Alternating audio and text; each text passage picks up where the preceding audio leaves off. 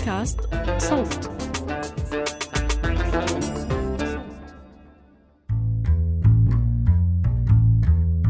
سلام أنا روان نخلة وعم تسمعوا بودكاست أحوال اللي بنحاول من خلاله نجاوب عن الأسئلة اللي بتخطر على بالنا بصفتنا أشخاص عايشين بالأردن زواج، إنجاب، بيع، شراء، سفر، عمل وغيره.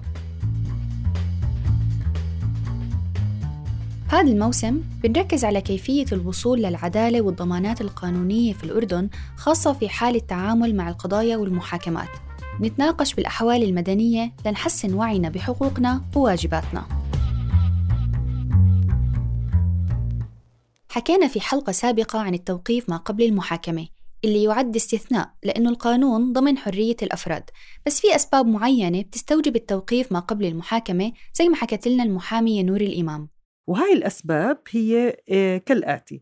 إذا كانت الوسيلة الوحيدة للمحافظة على أدلة الإثبات أو المعالم المادية للجريمة أو للحيلولة دون ممارسة الإكراه على الشهود. تعرف كيف ما يكون في ضغط على شاهد معين إنه آه، يقدم شهادته للمحكمة أو على المجني عليه أو لمنع المشتكى عليه من إجراء أي اتصال بشركائه في الجريمة إذا كان مثلا أكثر من شخص ولا يجوز؟ طبعا القانون أجا وتحدث كمان في نفس ذات المادة إنه لا يجوز التوقيف في الجرائم اللي هي عقوبتها أقل من سنتين واستثنى من ذلك حالتين. الحالة الأولى هي الحالة اللي هي خاصة إنه إذا كان مثلا في إيذاء وإذا آه، كان في الجرم المسند جنحة السرقة أو الإيذاء المقصود أو الإيذاء غير المقصود ناجم عن حوادث السير إذا كان فاعل مخالفا لأحكام قانون السير النافذ دون رخصة أو القيادة تحت تأثير المشروبات الكحولية أو المخدرات أو المؤثرات العقلية. أو إذا كان لهذا الشخص المتهم لا يوجد له مكان معروف في المملكة وبالتالي يتم توقيفه لغايات أنه يتم ضمان استمرارية التحقيقات أو المحاكمة. بعكس ذلك أقل لكن العديد من الحقوقيين والناشطين بشككوا بكثرة استخدام التوقيف ما قبل المحاكمة وبمدى عدله تجاه الموقوفين. عشان هيك مهم نحكي عن بدائله اللي شرعها القانون الأردني.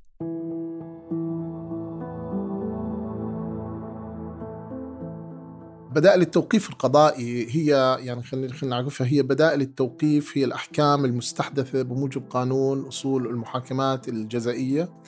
التي من شأنها الحد من التوقيف ما قبل المحاكمة. هاد صوت المحامي عماد الشرقاوي ناشط في مجال حقوق الإنسان وعضو لجنة الحريات العامة في نقابة المحامين. الهدف منها كان لذلك أول شيء تخفيف الضغط على السجون حتى نعرف بدائل التوقيف لازم أعرف مبررات التوقيف. مبررات التوقيف أول شيء الحفاظ على الأدلة. اثنين الحفاظ على النظام العام. التحقيق السير إجراءات التحقيق. إيه، فهي الأمور سهلة جدا. سهلة جدا. هذا الهدف منها. أما أنا شخص لما بحطه بالتوقيف عشان أحافظ على الأدلة أو إنه ما اخليه يختلط مع باقي المتهمين. في وسائل ثانية فالمشرع وجد إنه في وسائل أخرى من أجل أول شيء حتى إني أحافظ على هاي الأدلة وحتى إني أمشي بالتحقيق اللي من ضمنها منع السفر. فوجد إنه بدأ يبحث عن بدائل توقيف اسوى بالقوانين الأخرى في المتقدمة. بدائل التوقيف المتوفرة في الأردن حاليا مش كثيره بس من أبرزها منع السفر آه، تقديم الكفالة العدلية الإقامة في المنزل الاسوار الإلكترونية. والهدف منها هو تحقيق الأمن الاجتماعي من خلال ضمان عدم اختلاط المتهمين بأمور بسيطة مع المتهمين في جرائم خطرة.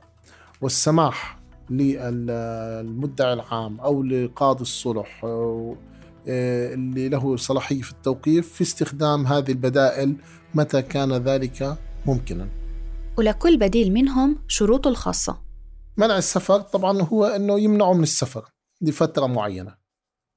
آه، بدل ما بدل ما يتوقف بالتوقيف آه، هي طبعا في الجنح التوقيف في الجنح هو مدته 30 يوم. فهو بيقدر يمنعه من السفر لمدة 30 يوم مماثلة مش أكثر.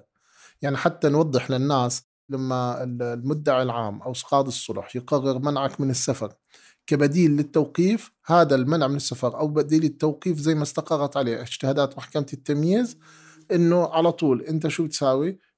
30 يوم خلص بينتهي منع السفر هذا بديل التوقيف. أو تقديم كفالة عدلية تقديم كفالة عدلية طبعا هذا معروف هذا إنه موجود أصلا من السابق كفالة عدلية لضمان الحضور أمام المدعي العام أو القاضي في الوقت اللي بيطلبك منه. أو الإقامة في المنزل هي نفسها الإقامة الجبرية اللي كانت معمول فيها. الإقامة بالمنزل إنه يطلب منك عدم مغادرة منزلك. طبعا كمان لازم تكون محددة بمدة معينة اللي هي مدة 30 يوم اللي هي الشهر. أو الإسوارة الإلكترونية طبعا هاي الاسواره الالكترونيه بتنحط بالإيد أو بالرجل حسب الأمور الفنية. وبكون في منطقة معينة ممنوع أنت تغادرها. يعني ممكن مثلا نقول مثلا أنت سكان مثلا جبل حسين ممكن القاضي يحدد لك إنك ما تغادر منطقة آه، جبل حسين يعني منطقة عملك منطقة شغلك. أو ممكن يحدد لك منطقة بيتك أو ممكن هاي. لسه بيشتغلوا عليها. يعني هي اظني وصلت الأسواق الإلكترونية موجودة صارت بالبلد لكن لحد الآن ما تم استخدامها حسب علمي. ومن شروط استخدام البدائل إنه تطبيقها يكون في الجرائم الجنحية فقط ومش الجنايات. بالإضافة إنه لا يمكن تطبيقها في حالة تكرار الجريمة. ومع إنه استخدام أحد بدائل التوقيف له فوائد مقارنة بالتوقيف سواء للمتهم أو للدولة إلا إنه غير مطبق بشكل واسع. لأنه أولا إن بدائل التوقيف هي قليلة جدا. اللي هي منع السفر والأسواق الإلكترونية ما زالت غير موجودة. الكفالة أصلا هي موجودة بالأساس الكفالة العدلية. الإقامة في المنزل أصلا هي كانت موجودة بقانون منع الجرائم اللي هي الإقامة الجبرية. فهي أصلا بدائل مش ليست كثيرة. اثنين التطبيق غالبيته عم بيتم بعمان.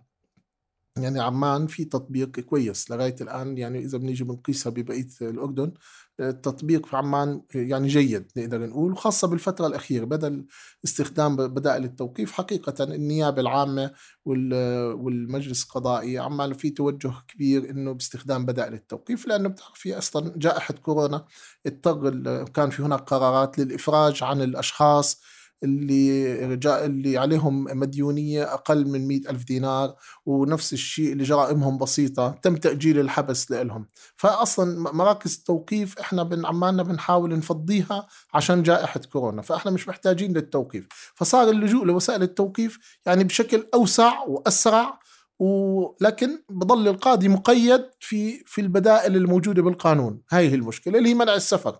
طبيعي أصلا بجائحه كورونا ما في سفر كان أصلا يعني بكل الأحوال.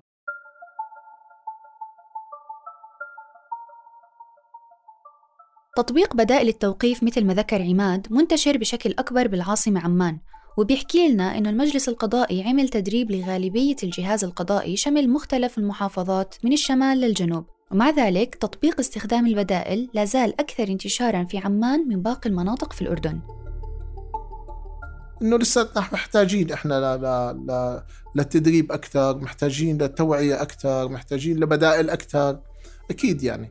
هو هو بالأخير هذا قانون مكتوب وتطبيقه لا يحتاج إلى تدريب بالأساس يعني. وهذا بياخذنا لسؤال مهم. شو دور المحامي في مسألة استخدام بدائل التوقيف مع موكله؟ اللي هو دوره في الكفالة. المحامي أول شيء دائما لازم يتنبه إنه هاي القضية اللي, اللي موكلة مطلوب عليها إنه أول شيء فيها توقيف. بالبداية هل فيها توقيف أو ما فيها توقيف؟ لأنه مش كل القضايا فيها توقيف. هلأ إذا فيها توقيف لازم يكون إيش؟ يكون في مبرر للتوقيف، هل مبررات التوقيف موجودة أو غير مش موجودة؟ لأنه لازم حتى مذكرة التوقيف لازم المدعي العام أو القاضي لما يصدر حتى عنده بالنظام النظام الموجود أمامه اللي هو نظام ميزان وهو النظام الأساسي في عمل المحاكم ويستخدم لتسجيل ومتابعة إجراءات التقاضي من لحظة تسجيلها للحظة فصلها من محكمة التمييز النظام الموجود أمام القاضي لحاله ببين له لما يجي يطلع مذكرة التوقيف لازم له. شو سبب التوقيف؟ لازم يطلع. هلأ طبعا هم بكتبوا النظام العام بكتبوا حفاظ على الأدلة كذا كذا. لازم لازم يكون في لازم محامي يتنبه إنه في شيء ثاني اثنين لازم يكون في هذا الشخص له عنوان ثابت. لازم هو المحامي يقدم للمدعي العام أو للقاضي يقول له أنا موكلي له عنوان ثابت معروف هي عنوان وهي ثابت هي شغله هي بيته هي هي هي إلى آخره. ثلاثة لازم المحامي يقدم طلب يقدم طلب للقاضي. ودائما إحنا بنقول لازم يكون الطلب خطي. دائما لازم يكون خطي لأنه الطلب الشفوي يعني مش دائما إذا ما ثبت في المحاضر ما بكون له إنتاجية. الطلب الخطي دائما بيكون محفوظ بالملف. حتى أنت بالمستقبل تقدر تطعن أو تقدر تستأنف أو لازم يكون شيء خطي ولازم يكون تستند على نصوص قانونية مش بس فدائما أنت لازم يكون في دورك مع المدعي العام تدخل معه في نقاش قانوني بحيث إنك أنت تكون آه، مقنع. مش فقط يعني تترك الأمر للمدعي العام، المدعي العام ومع ذلك مش دائما رح يتم قبول طلب استخدام بدائل التوقيف. كذا كذا بقى يعني أنا قدمت له نفس هاي وطلبت منه وكان يرفض حتى محكمة الاستئناف رفضت استخدام بدائل التوقيف هاي هذه حالة من الحالات اللي رفضوا. شايف؟ هذا أكثر من مرة تقدمت هاي أكثر من مرة تقدمت. ودائما ما بيكون في ذكر مبرر لهذا الرفض. وما في ذكر مبرر لهذا الرفض. لا يوجد ما, ي... ما ي... لا يوجد ما يبرر قرر رفض الطلب. هيك القرار. بس المحامي عماد حكى لنا عن قضية طلب فيها استخدام بدائل التوقيف وتمت الموافقة على طلبه. أنا تعرفت على آه، شخص من خلال صاحب مصنع هو في الأردن. هو عبارة عن آه، شاب آه، من فلسطين يحمل جواز أردني وشريك بشركة قطرية. وأنشأوا هاي الشركة القطرية أصلا سووا لها شركة تملك شركة أردنية وهي عبارة عن مصنع للمعقمات. فالمهم تواصلت مع هاد صوت سعيد. وهو اسم مستعار لموكل المحامي عماد في القضية اللي استطاع يستخدم فيها بدائل التوقيف. هذا الشخص تعرفت عليه من خلال معرفة له آه، بقصد إنه أنا أستثمر معهم فلوس بالتشغيل الفلوسي يعني معهم. لما قعدت معاه عدة مرات آه، آه، وصلنا لاتفاق إنه أكون أنا المسوق للمادة التعقيم اللي هو بيصنعها قصة سعيد تفاصيلها معقدة شوي بس رح أسرع لكم حكيه لنوصل للجزء المتعلق بموضوع هاي الحلقة. فلما أنا بلشت هو ما عنده سيولة. كنت أنا أصرف على مستوى آه، رواتب الموظفين تبعه على مستوى التجهيز مواد الخام. كنت أنا أصرف وفق شيكات رسمية صادرة مني لحساب آه، شركته. أحيانا كان يطلب أنه أحطهم بحسابه الشخصي. وهذا كان يعني مستغرب. إيه طب قلت له أعطيني وصل باللي أنت قبضته عشان أنا أقدمه لعندي نهايه سنة لازم أقدم للضريبة. قال لي لا أنا ما أخذت منك. وهذا اللي أخذتهم عبارة جزء منهم راحوا لحسابه الشخصي. هدول عبارة عن مصاريف شخصية بينه وبينك. فهو هون بلش أنا عندي الشك فصرت أسأل عنه. فتبين إنه هو آخذ فلوس من الناس في فلسطين وعشان هيك مهاجر على كندا بيعمل معاملة هجرة. وعنده مشاكل مالية برضه مع شخص بعمان كان بده يشاركه. نفس الطريقة تبعته صارت مشاكل تركه. اكتشف سعيد إنه شريكه كان مخلي شريكهم القطري ياخذ قرض على حساب الشركة وأخذ جزء من المصاري وعليه قصص تانية مشابهة. فقرر بعد فترة يبعث له إنذار عدلي ليضمن حقوقه وليثبت إنه شريكه استلم منه قيمة البضاعة. بعدها اكتشف سعيد إنه شريكه رفع عليه قضية جزائية بذريعة إنه احتال عليه. وهو بيطالب بقيمة البضاعة كاملة. حتى الفلوس اللي دفعناها ناكره في متن القضية أو الشكوى. وتفاجئنا إنه نحن مش ما استدعينا للمدعي العام وتبين إنه الشكوى موجهة إلي ولا أخو مرتي اللي كان دائما عندي بالشركة هذا هو كان يعني ينظم لي أمور الشغل بس هو مش موظف عندي ولا له أي صفة رسمية. هو عبارة عن شخص صديق. هلأ هو ما صدر قرار توقيف. كان لما أول جلسة نادونا كانوا هم آه، بيستدعونا بيستدعونا طبعا العنوان مش عنا يعني نحن مش عارفين. فالمهم لما عرفنا تبين إنه هاي كانت آخر آه، مهلة إلنا كان إنه عشان لازم نحضر إذا ما بنحضر بتعمم علينا. فسوينا وكالة للمحامي أستاذ عماد وبناء عليه صارت المحامي يحضر عنا. فاجينا حضرنا مباشرة.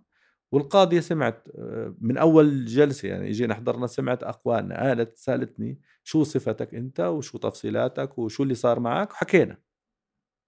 فهي سمعت يعني وسمعت برضه من الشاب اللي معي نفس الإشي فقررت إنه تعمل آه، منع سفر وتطلب كفالة عشان ما تحولنا على التوقيف. ووجود المحامي عماد مع سعيد كان مهم جدا. هلأ هو ما كان بيعرف إنه في قضية أصلا موجودة عند المدعي العام بس آه، نزلت القضية واجا تبليغ من المحكمة هو إجانا على طول. هو بس إجانا إحنا صورنا ملف القضية. أول شيء المحامي لازم يصور ملف القضية يعرف شو فيه القضية. ودرسنا القضية وعملنا دراسة وناقشناها معه وشفنا شو عنده بينات درسنا القضية بعده جوانب، الجوانب في جوانب قانونية وفي جوانب فنية، إحنا بندرس إحنا كمحامين نعرف كيف نعد خطة دفاعنا. هلا أنا بندرس إحنا القضية وأنا بحط حالي محل القاضي، أنا لو إني قاضي وعندي هاي القضية شو بحكم؟ فلازم أنا أكون صادق أول شيء مع موكلي وأقول لموكلي شو المحاذير اللي ممكن تترتب عليها. طيب ولما تقرر القاضية أنه تستخدم بديل للتوقيف ما قبل المحاكمة مثل منع السفر هل بيضل هذا الإجراء مطبق طالما الحكم مش صادر؟ التوقيف في قضايا الجنحوية لمدة 30 يوم. فبديل التوقيف بده يكون 30 يوم اللي هو منع السفر. وهيك اجى اجتهاد محكمة التمييز في قرار لإلها صدر عن الهيئة العامة. إنه بديل التوقيف بده يساوي التوقيف. فإذا كان التوقيف 30 يوم فبديله منع السفر 30 يوم.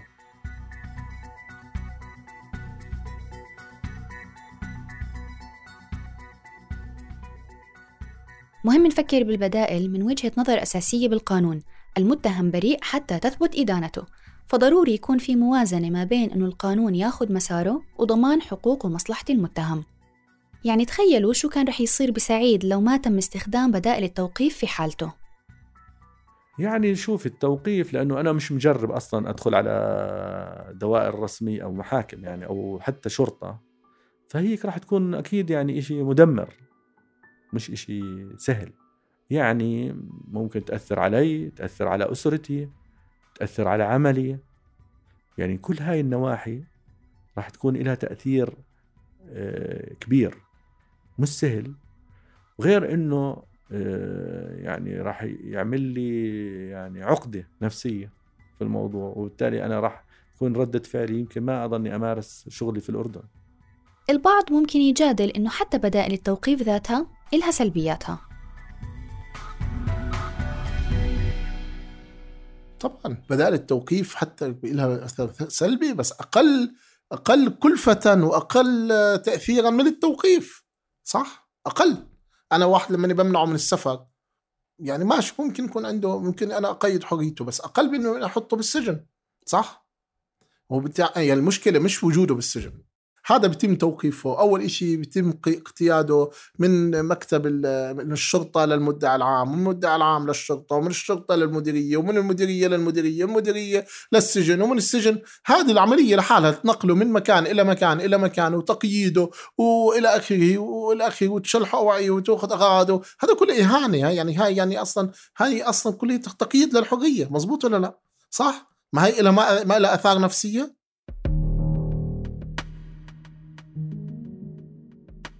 يعني في قضية مثلا أنا بعرفها كان إحدى النواب آه، آه، رفع قضية وبتعرفي كونه هو نائب آه، وتم صار في قضية من خلال من خلال الجرائم الإلكترونية وهو راح قدم شكوى وبعدين بتعرفي هو كنائب اعتبر إنه هو يعني له مكانة وله وله وله وله وله اخره والمدعي العام طبعا ثابت القضية لأنه هاي بتعرفي فيسبوك كانت إحنا رحنا للمدعي العام وقلنا للمدعي العام انه استخدم بدائل التوقيف.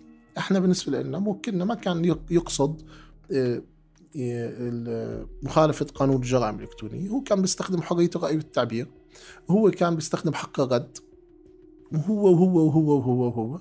وإحنا بالنسبة لنا استخدم بدائل التوقيف. وما عندنا مانع نقدم كفالة وما عندنا مانع انك تمنعه من السفر. فالمدعي العام اخذ وقت طبعا ودرس الموضوع. بعدين يعني له يعني توقيفه ما راح يجيب نتيجة، يعني توقيفه ما راح يحل المشكلة، يمكن أنت تمنعه من السفر، يمكن يروح يحل الموضوع معه ودي، يمكن. بالتالي يعني شو اسمه منعه من السفر. بعد شهر قدمنا للمدعي العام قلنا له خلص انتهى الشهر بدنا إياك تشيل ال ال قدمنا للقاضي، القاضي قال لا هذا مش من عندي، ورحنا للمدعي العام، المدعي العام قال صح. ورفعنا منع السفر. فكان هذا بديل توقيف. وبالأخير إحنا كسبنا القضية يعني. تخيلي لو توقف هذا على القضية كان يعني توقيفه كان يعني آه، بدون وجه حق يعني خلينا نسميه هذا إذا هو أخذ براءة صح؟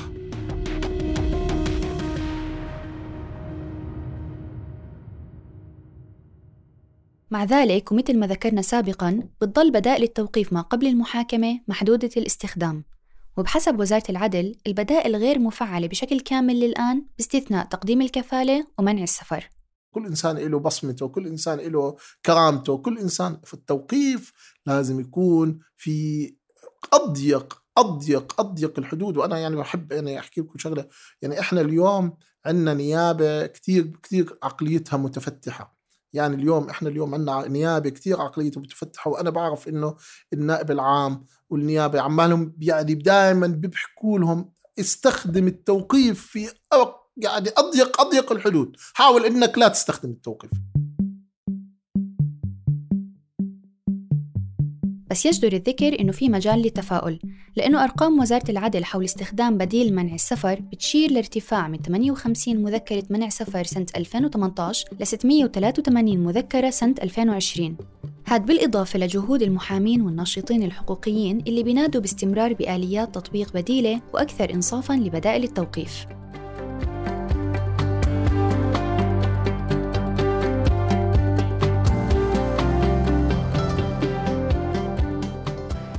كنت معكم في هاي الحلقة من الإعداد والتقديم روان نخلة.